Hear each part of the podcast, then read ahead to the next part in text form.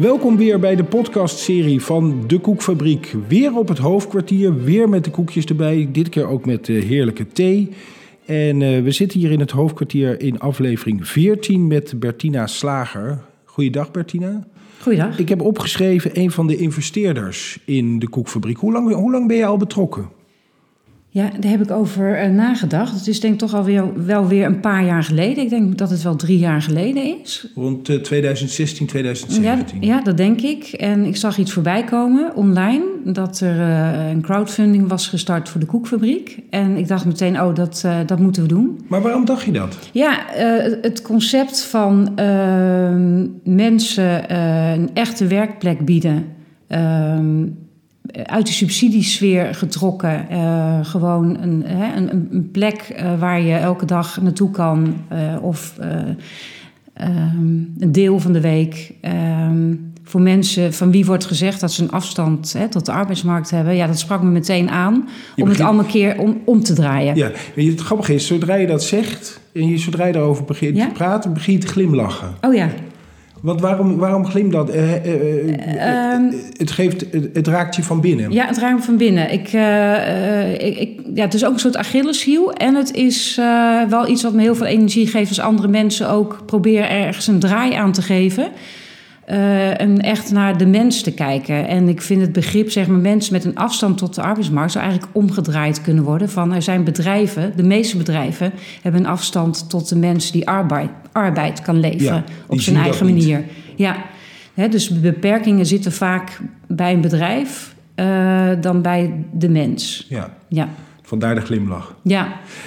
um, ik heb, vergeef me als het een klassiek beeld is, maar ik denk altijd: een investeerder heeft geld, die stopt het in een bedrijf en wil daar gewoon geld voor terug. Zoveel mogelijk.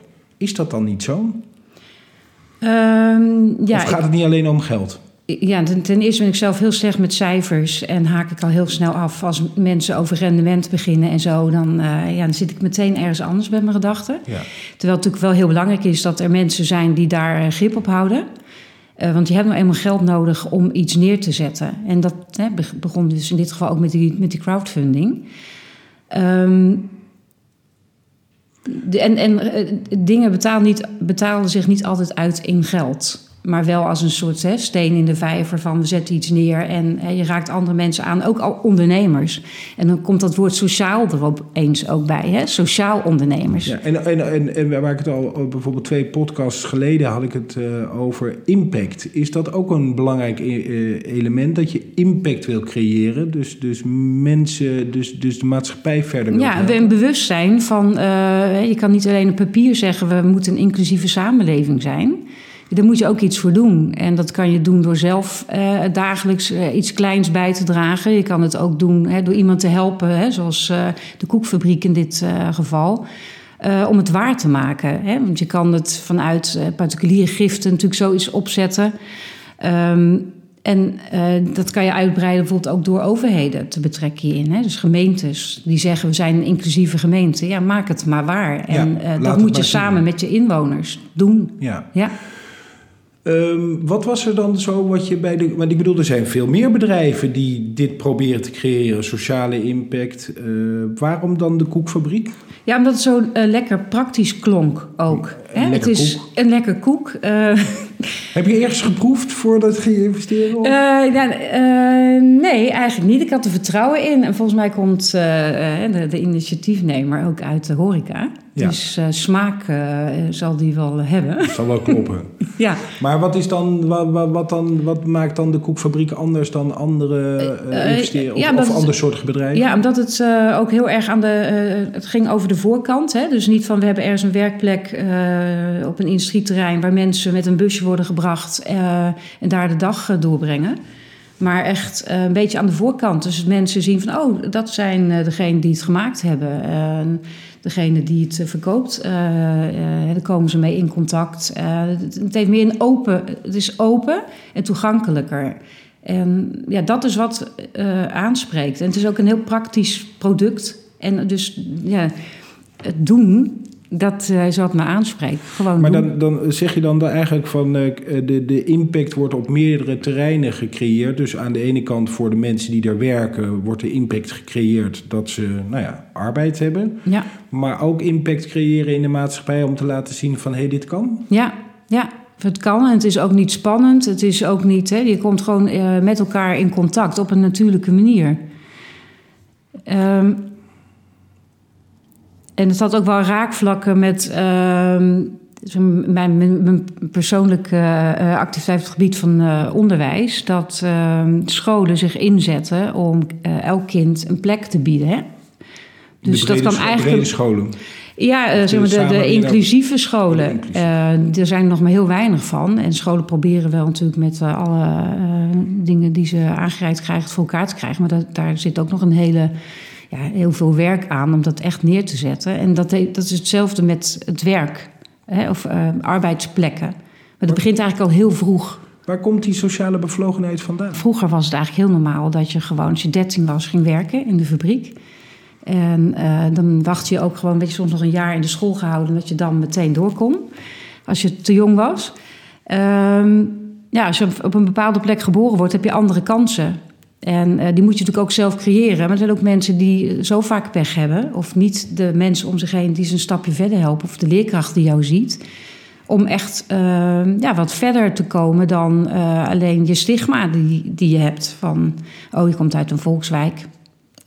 dus het zal wel dus het zal wel dit ja. of het zal wel dat. En ja, um, er is gewoon eigenlijk niet zo heel veel veranderd. Er is natuurlijk nog steeds eliteonderwijs. Red jij het niet en je ouders kunnen betalen, dan krijg je, je bijles. Ja, nou, ga je naar het Luzak of ja. Blankenstein. Of, ja.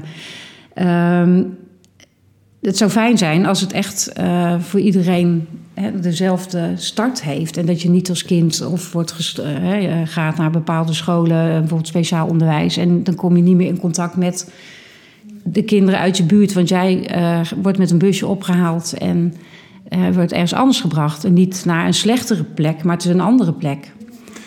Dus, dus het gaat over kansen creëren. Ja, dus het begint eigenlijk al daar. Van, uh, dat dat sommige kinderen die hebben zo'n start dat ze dus in zo'n spoor komen. En dus ook niet in een betaalde baan of, hè, of in een dagbesteding komen. Of, terwijl het misschien anders had kunnen lopen.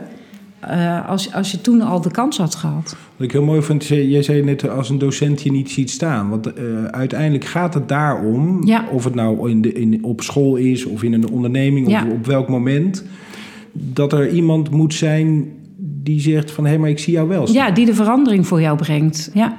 En dus, dus investeren in de koekfabrieken is ook vanuit die ja. gedachte geboren, uh, of, of daardoor werd je getriggerd ja, waarschijnlijk? Ja, ja, en eigenlijk is, is er een soort onderhoud van mijn bewustzijn daarin. Want wij hebben een, een zoon met Down syndroom, wij hebben een tweeling en uh, twee jongens, die zijn gisteren 13 geworden. Gefeliciteerd. Ja.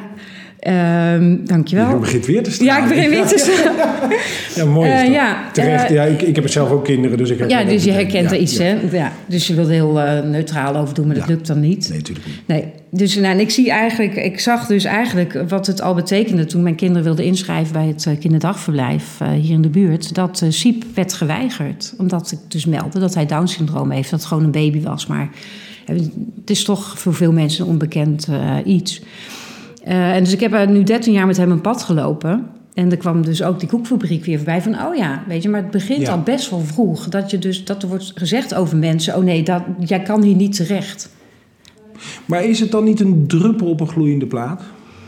Uh, ja, maar als je zo denkt, dan, uh, kom, je nooit dan kom je nooit ergens. En al, uh, al beteken je voor je buurvrouw iets. iedereen kan op zijn eigen manier iets bijdragen. En um, ja, ik heb zelf de PABO gedaan, maar niet afgemaakt. Omdat ik niet kan rekenen. Dat is ook een hele grote beperking. Oh, ja. Ja. Um, dus zeg, met onderwijs, ja, ik ben, ik ben wel, alles begint eigenlijk met, uh, met onderwijs. En uiteindelijk met je baan. Want uh, een school, naar een school gaan, dus niet alleen dat je naar school gaat, dat is je sociaal leven. Je ontwikkelt daar vriendschappen. En als je gaat werken, dan is dat ook je sociaal leven. Je hebt een dagstructuur of een dagritme of een weekritme. Dat heeft eigenlijk iedereen wel nodig op zijn eigen manier. Uh, uh, herken je iets van een trend? Is er een, iets, zijn er steeds meer ondernemingen die. Want je, wat, wat jij beschrijft, dat, dat, dan, hè, dat, dat mensen nu nog een achterstand hebben.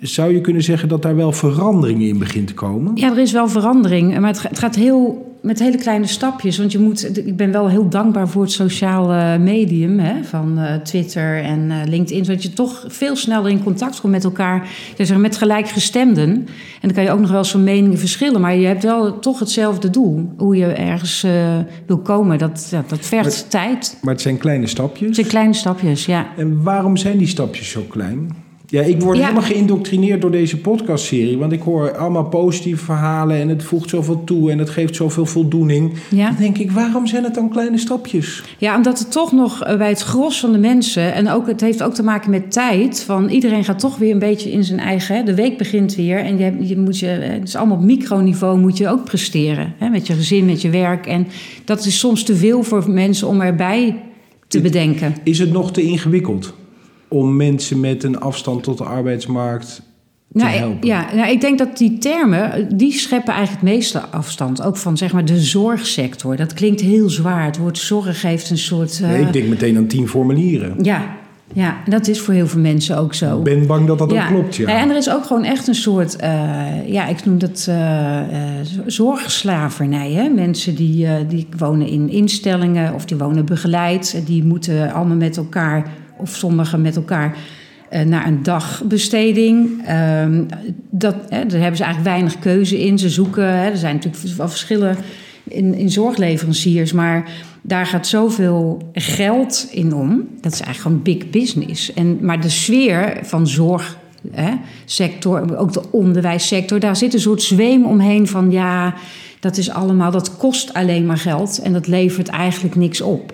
En de, en de term afstand tot de arbeidsmarkt is ook zo lang dat je al ja, bijna... nou, mensen haken al af. Ja. Je, ja. Zou je daar dus een andere term voor moeten verzinnen? Of zou je het een andere naam moeten geven? Ja, ja, het helemaal omdraaien wat ik dan altijd doe van hè, bedrijven met een afstand tot eh, de mensen Ja, die arbeid. Dat is ook Praat- veel te lang. Dus eh, dan eh, zitten zitten we ook. Ja, ja. Ja, ja, er zou eigenlijk een. Maar ook heel even Ja. tussendoor, want misschien komen we nog wel even terug op die term. Want je zegt Ja. net van er zit eh, de, de zorgslavernij, eh, het is big business.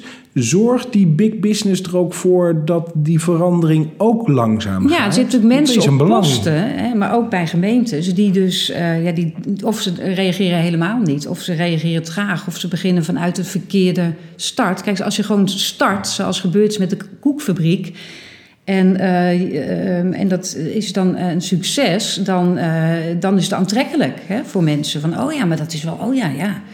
En ehm, als het moet starten vanuit bijvoorbeeld gemeentes, ja, dat gaat gewoon eigenlijk niet, eh, ja, dat duurt te lang.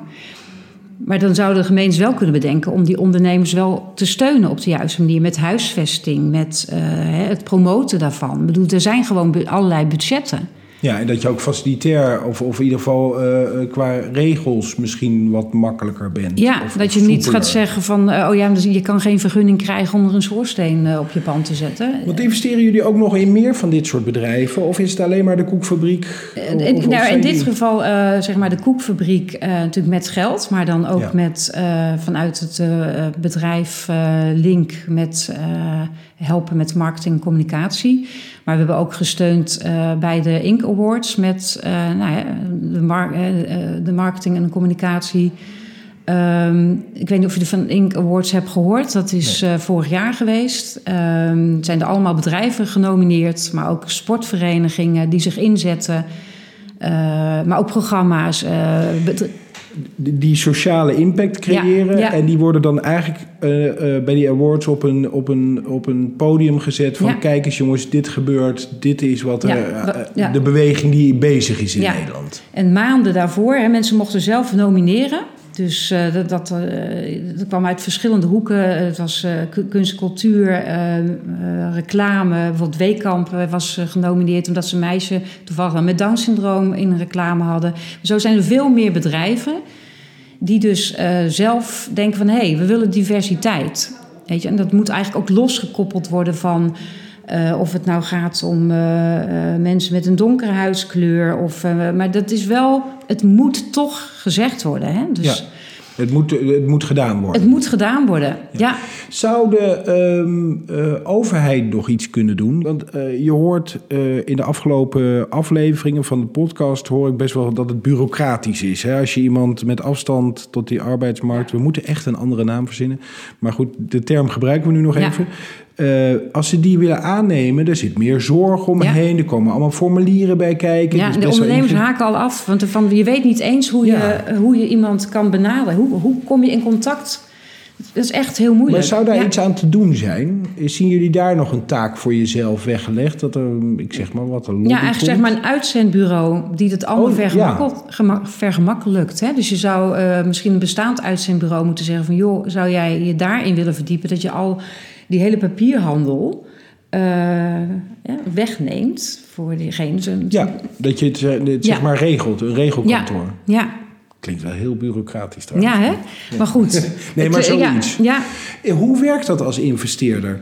Ehm, ben je altijd afhankelijk van, van ideeën waarmee de, de, de, de, de tegenpartij, de, de, de, de, het bedrijf komt waar jullie investeren ergens in? Eh, Bemoeien jullie je dan ook actief met, met allerlei ideeën? Of is het gewoon van nee, wij geven het geld, we verwachten dit rendement? Hoe werkt dat? Ehm, Staan jullie op afstand of zitten jullie er heel nou ja, ik sta wel eh, meer op afstand dan eh, mijn man, eh, Pim Ja. Slager. Want die is heel veel wel in contact met Ja. Arthur. Omdat hij ja, met zijn bedrijf start hij zelf Oh. ook bedrijven of helpt bedrijven op pad om te te groeien. Dus op die manier eh, zit eh, Pim daar dus heel dicht bovenop. En ik zit maar meer aan de andere kant van het delen van allerlei nieuws eh, eh, rond de koekfabriek. Eh, om het bekend te maken.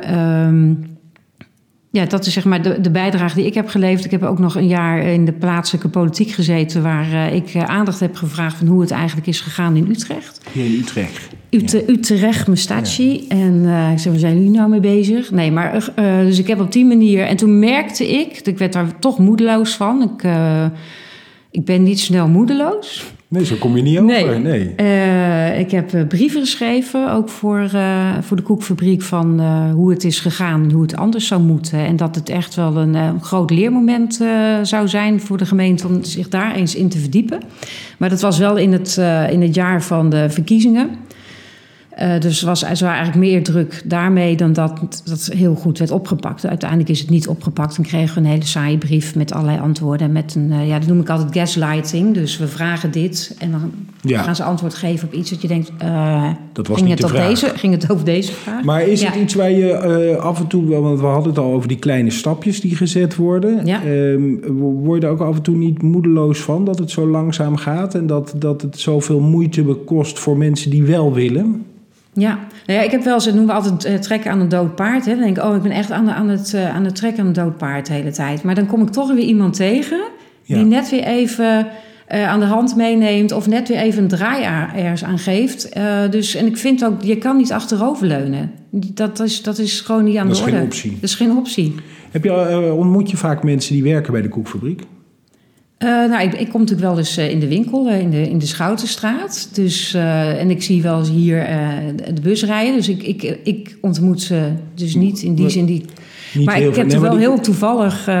was, de- mijn kapster is de schoonzus van iemand die werkte bij de koekfabriek. Julian. En eh, dus met hem ben ik al in contact en met zijn moeder. En maar ja, uiteindelijk werkt hij daar niet meer met het probleem, dus met de gemeente. Door de problemen eh, die daar waren. En dat is dus heel jammer. En toen kwam ik er dus wel achter dus dat Julian zelf niet kan bepalen waar hij werkt. En dat, dat zijn van die dingen waarvan je eigenlijk zou zeggen, daar zou je van af moeten. Daar zou je van af moeten. Dat is zeg maar die, die zorgslavernij. Ja. Van oké, als er dan geen contract is tussen de zorgleverancier en, de, en bijvoorbeeld de onderneming, de koekfabriek dan in deze, eh, dan is er blijkbaar ook geen werkplek. Want dat Ja. hangt helemaal samen met van alles. En dat vind ik dus echt. eh, dan heb je het over eigen regie voor mensen met een beperking. Maar die is er dus eigenlijk niet. Nee, dus een optisch bedrog eigenlijk. Ja. Wordt ja. gezegd, het is er, maar het Ja, is er niet in dus de als ik denk van nou, ik ga achteroverleunen, want het loopt allemaal wel bij deze koekfabriek. Hè, en het loopt al bij zo'n zorginstelling. dan denk ik, oh nee. Er Nee, is nog veel werk er is te nog veel werk te doen. Ja. Van hoe kan het dat iemand dan, hè, dat zij dan bepalen waar Julian werkt? Ja. Ja, Kleine stapjes vooruit. Ja. Ehm, wat is je favoriete koekje eigenlijk? Eh, ja, dat is toch wel een beetje met eh, chocola erin. Oké. Ja. Ik heb, die Heb je die? niet, nee, volgens mij niet. Ik heb hier wel de meest populaire Ja? hier aan tafel. Is steeds de, die staat voor jou achter de, de, de, de, de- De doos? met de doos oh, met is dat de boterkoek? Dat is de boterkoek. Ja, die vind ik wel... eh, ja, die was ik even vergeten. Ja, die Ja. weer te stralen. Ja. Ehm, stopt het hier voor jullie? Of waar gaat het met, voor, met- jullie en, en als investeerder en de koekfabriek naartoe? Hoe werkt dat? Is dat dan een afspraak, eh, we investeren voor zo lang? Of, of is dat voor Nee, dat is wel eh, levenslang, denk ik. Ja. Je kijkt opeens heel eh fel. Ja, kijk wel. Nee, we moeten volhouden. ja, we blijven volhouden. Ja. Bettina, dank je wel voor je verhaal. Dankjewel Eh, voor het... Succes met de kleine stapjes. ja, Maar iedere stap vooruit is er, is er eentje. Ja. Eh, dit was eh, aflevering eh, 14 van eh, de podcastserie van de Koekfabriek. We vonden het heel leuk dat je weer luisterde. En wil je meer weten over de Koekfabriek? Dat kan via internet, dekoekfabriek.com. En de volgende keer is er weer een aflevering. En dan praten we met een van de bedrijven die koekjes op grote schaal afneemt van de Koekfabriek. Voor nu, dank voor het luisteren.